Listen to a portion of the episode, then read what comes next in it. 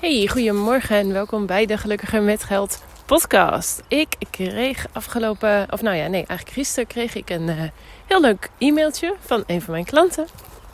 Met een aantal uh, dingen waar ze mij aan de slag is gegaan. En van daaruit kwamen eigenlijk een aantal vragen uh, bij haar op. En een van die vragen leek mij wel heel erg leuk om die um, mee te nemen en daar een podcastaflevering over te maken. Dus bij deze. En de vraag van haar was: Um, of de situatie was eigenlijk dat zij elk jaar um, een schenking krijgt van een familielid van haar. En ze zegt: Eigenlijk heb ik dat tot, tot op heden heb ik dat altijd gebruikt om een studieschuld mee af te betalen. Maar zegt ze: Misschien is het juist ook wel interessant om dat juist te gaan beleggen, om dat te gaan investeren, omdat de rente op de studieschuld op dit moment heel erg laag is. Dus, um, dus haar vraag was eigenlijk, ja Inge, wat is nu slim? Ga ik het gebruiken om mijn studieschuld af te, breken, af te, af te lossen? Of ga ik het, uh, ga ik het gebruiken om, um, hoe heet het? Uh, te investeren en op die manier dus eigenlijk vermogen op te bouwen. Dus gebruik het om schuld af te betalen of om vermogen voor de toekomst op te bouwen. Nou, dus die neem ik mee. Um, en ik zal je daar vandaag mijn nou ja, visie opgeven, laten we het zo zeggen. Dus, welkom bij de Gelukkiger met Geld podcast. De podcast voor ondernemers die meer inzicht willen in hun persoonlijke financiën. En heel graag meer financiële vrijheid willen creëren en vermogen willen opbouwen. Oké, dus um, de vraag: wat moet ik doen met wat extra geld? Of dat dat nou een schenking is, dat kan natuurlijk ook. Ik heb een paar afleveringen geleden heb ik natuurlijk een aflevering gemaakt over um, geld terugkrijgen van de Belastingdienst. Wat mijn um, visie daarop is en hoe ik zelf dat geld gebruik. Dus uh, het is een beetje gerelateerd daaraan natuurlijk. Um, dus geld krijgen hoeft niet per se een schenking te zijn. Het kan ook inderdaad een, ja, laten we zeggen, meevaller zijn. Ik zeg ook zelf altijd Um, het kan ook financieel natuurlijk een meevallen zijn in de zin van, stel dat je ergens voor spaart um, en je zet daar constant geld voor opzij en dan op het moment dat jij die aankoopt doet, dat kan natuurlijk van alles zijn, van een wasmachine tot um, je zomervakantie bij wijze van spreken. Op het moment dat jij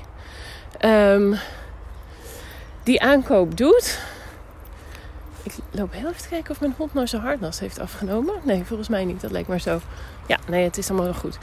Uh, en als die aankoop dan goedkoper is, dan kan kun je dat natuurlijk in zekere zin ook eens een financiële meevaller zijn. Dus stel dat jij 2000 euro voor je vakantie opzij zet voor jouw aandeel en uiteindelijk geef je um, ehm, 1600 uit, dan is dat een meevaller van 400 euro. Dus dat zou je natuurlijk ook als een, ja, is geen schenking natuurlijk, je hebt er zelf voor gespaard, maar je zou dat geld ook kunnen zien als... Um, als um, extra geld waar je dan iets mee kunt doen. Nou, dus terugkerende naar de vraag: extra geld gebruik dat om schuld af te lossen, om vermogen op te bouwen. Daar is natuurlijk, en dit is heel jammer, daar is natuurlijk niet één juist goed antwoord op. Zelfs in het geval van mijn klant, die ik natuurlijk, ja, ik ken, ik ken haar, ik weet wat haar financiële situatie is, ik weet wat haar doelen zijn en waar we naartoe aan het werken zijn samen. Maar ook daar is het zo dat er geen één antwoord is. Um, er zitten namelijk, zoals ik het zie, twee kanten aan, aan deze vraag. Er zit een financiële kant aan, namelijk um, de financiële opties, ofwel het afbouwen van schuld en dus ook eventuele rente niet hoeven te betalen. Nu is het dus zo dat die studieschuld heel weinig rente heeft. Um, daar komt natuurlijk ook nog een stukje inflatie bij, maar ik ga die even uh, niet meenemen in je antwoord. Misschien wat ingewikkeld, maar um, als de rente heel erg laag is en de inflatie hoog, dan is het eigenlijk interessant om je schuld ook niet versneld af te betalen. In zekere zin van, van een financieel uh, punt. Dan is er natuurlijk de andere optie financieel gezien om het juist te gaan investeren en dan inderdaad langer termijn um, meer vermogen op te bouwen, langer de tijd te hebben om uh, ja, je return on investment um, keer op keer voor, jezelf, voor jou te laten werken. Dus dat is de ene kant. Maar er zit ook een emotionele kant aan. Er zit ook het stukje, ja, of dat je nou emotioneel wilt noemen of, um, ja, of ja, mentaal, psychologisch, hoe je het ook wilt uh, noemen. Er zit altijd dat stukje bij, uh, dat zit er ook altijd bij. Dus wat bedoel ik nou? Hoe fijn of vervelend vind jij het om een schuld te hebben? Hoe fijn zou je het vinden als je die schuld niet meer hebt? Als jij weet dat je vanaf nu voor die schuld niet meer maandelijks of jaarlijks geld hoeft te betalen. Hoe spannend vind jij het om te investeren? Hoe vervelend vind jij het om vermogen op te bouwen in investeringen voor langere termijn, waar je dus niet direct iets van terugziet? Um, hoe spannend vind jij het als jij geld wat jij gekregen hebt door middel van bijvoorbeeld een schenking investeert en je ziet dat opeens in waarde dalen omdat de markt dipt? Um, waarom zou je willen investeren? Over hoeveel lange tijd zou je dat geld willen hebben? Um, nou dus dat, zijn zomaar een aantal vragen die even heel snel nu maar opkomen. Maar er zijn er natuurlijk heel erg veel die mee kunnen spelen. En dat maakt ook dus dat, de, dat het antwoord op deze vraag niet zo heel gemakkelijk is, omdat hij dus van verschillende punten afhangt. Wat ik um, in dit geval um, altijd aanraad en ook ga doen bij deze klant, is nou ja, sowieso uh, de keuze is aan haar. Ik kan die keuze niet maken. Dat is sowieso heel belangrijk. Dus het ook echt even bespreekbaar maken. Van, nou ja, wat, wat, wat vind je van al deze dingen? Wat vind je van, van bijvoorbeeld een aantal van die vragen die ik net genoemd heb. Maar ik vind het zelf ook altijd wel heel erg inzichtgevend om een aantal dingen gewoon eens een keer door te rekenen. Dus ook echt te zeggen van, nou ja, stel je blijft het gewoon gebruiken voor je studieschuld. Uh, wat betekent dat dan na dit jaar? Hoeveel geld ga je krijgen?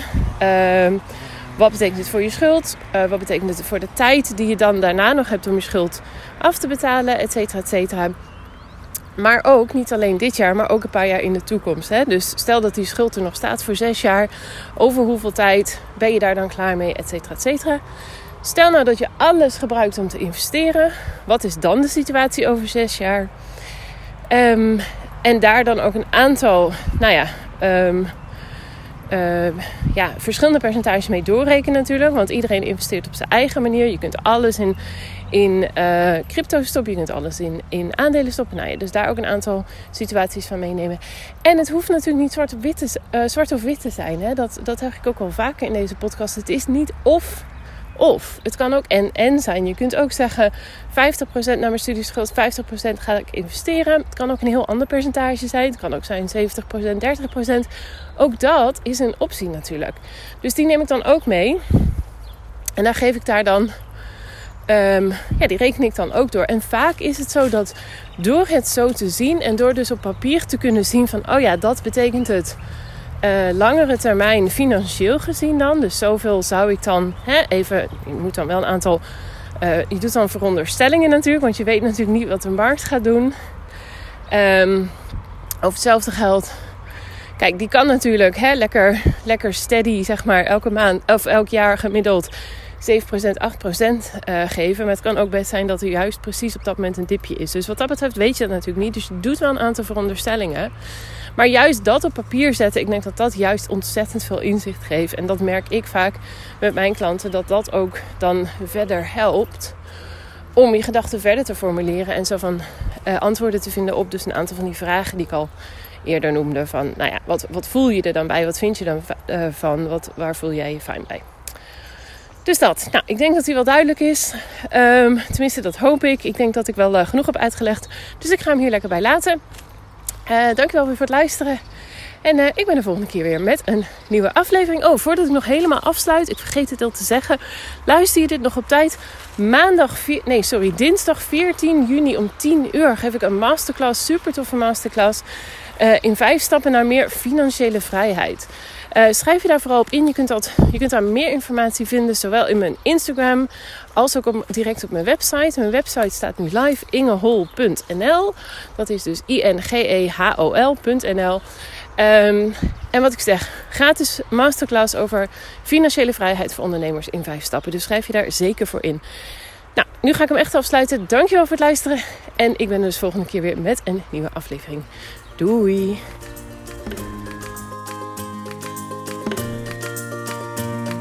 Dankjewel weer voor het luisteren naar deze aflevering van de Gelukkiger met Geld podcast. Ik hoop dat je er heel veel waarde uit hebt kunnen halen. En ik zou het dan ook super leuk vinden als je deze aflevering kunt delen op Instagram. Op die manier kunnen anderen de podcast makkelijker vinden en bovendien help je mij om deze show te laten groeien. Daarnaast vind ik het ook gewoon super gaaf om te zien wie deze podcast luistert en wat je eruit hebt kunnen halen. Dus deel hem op Instagram en taak mij dan met gelukkiger.met.geld.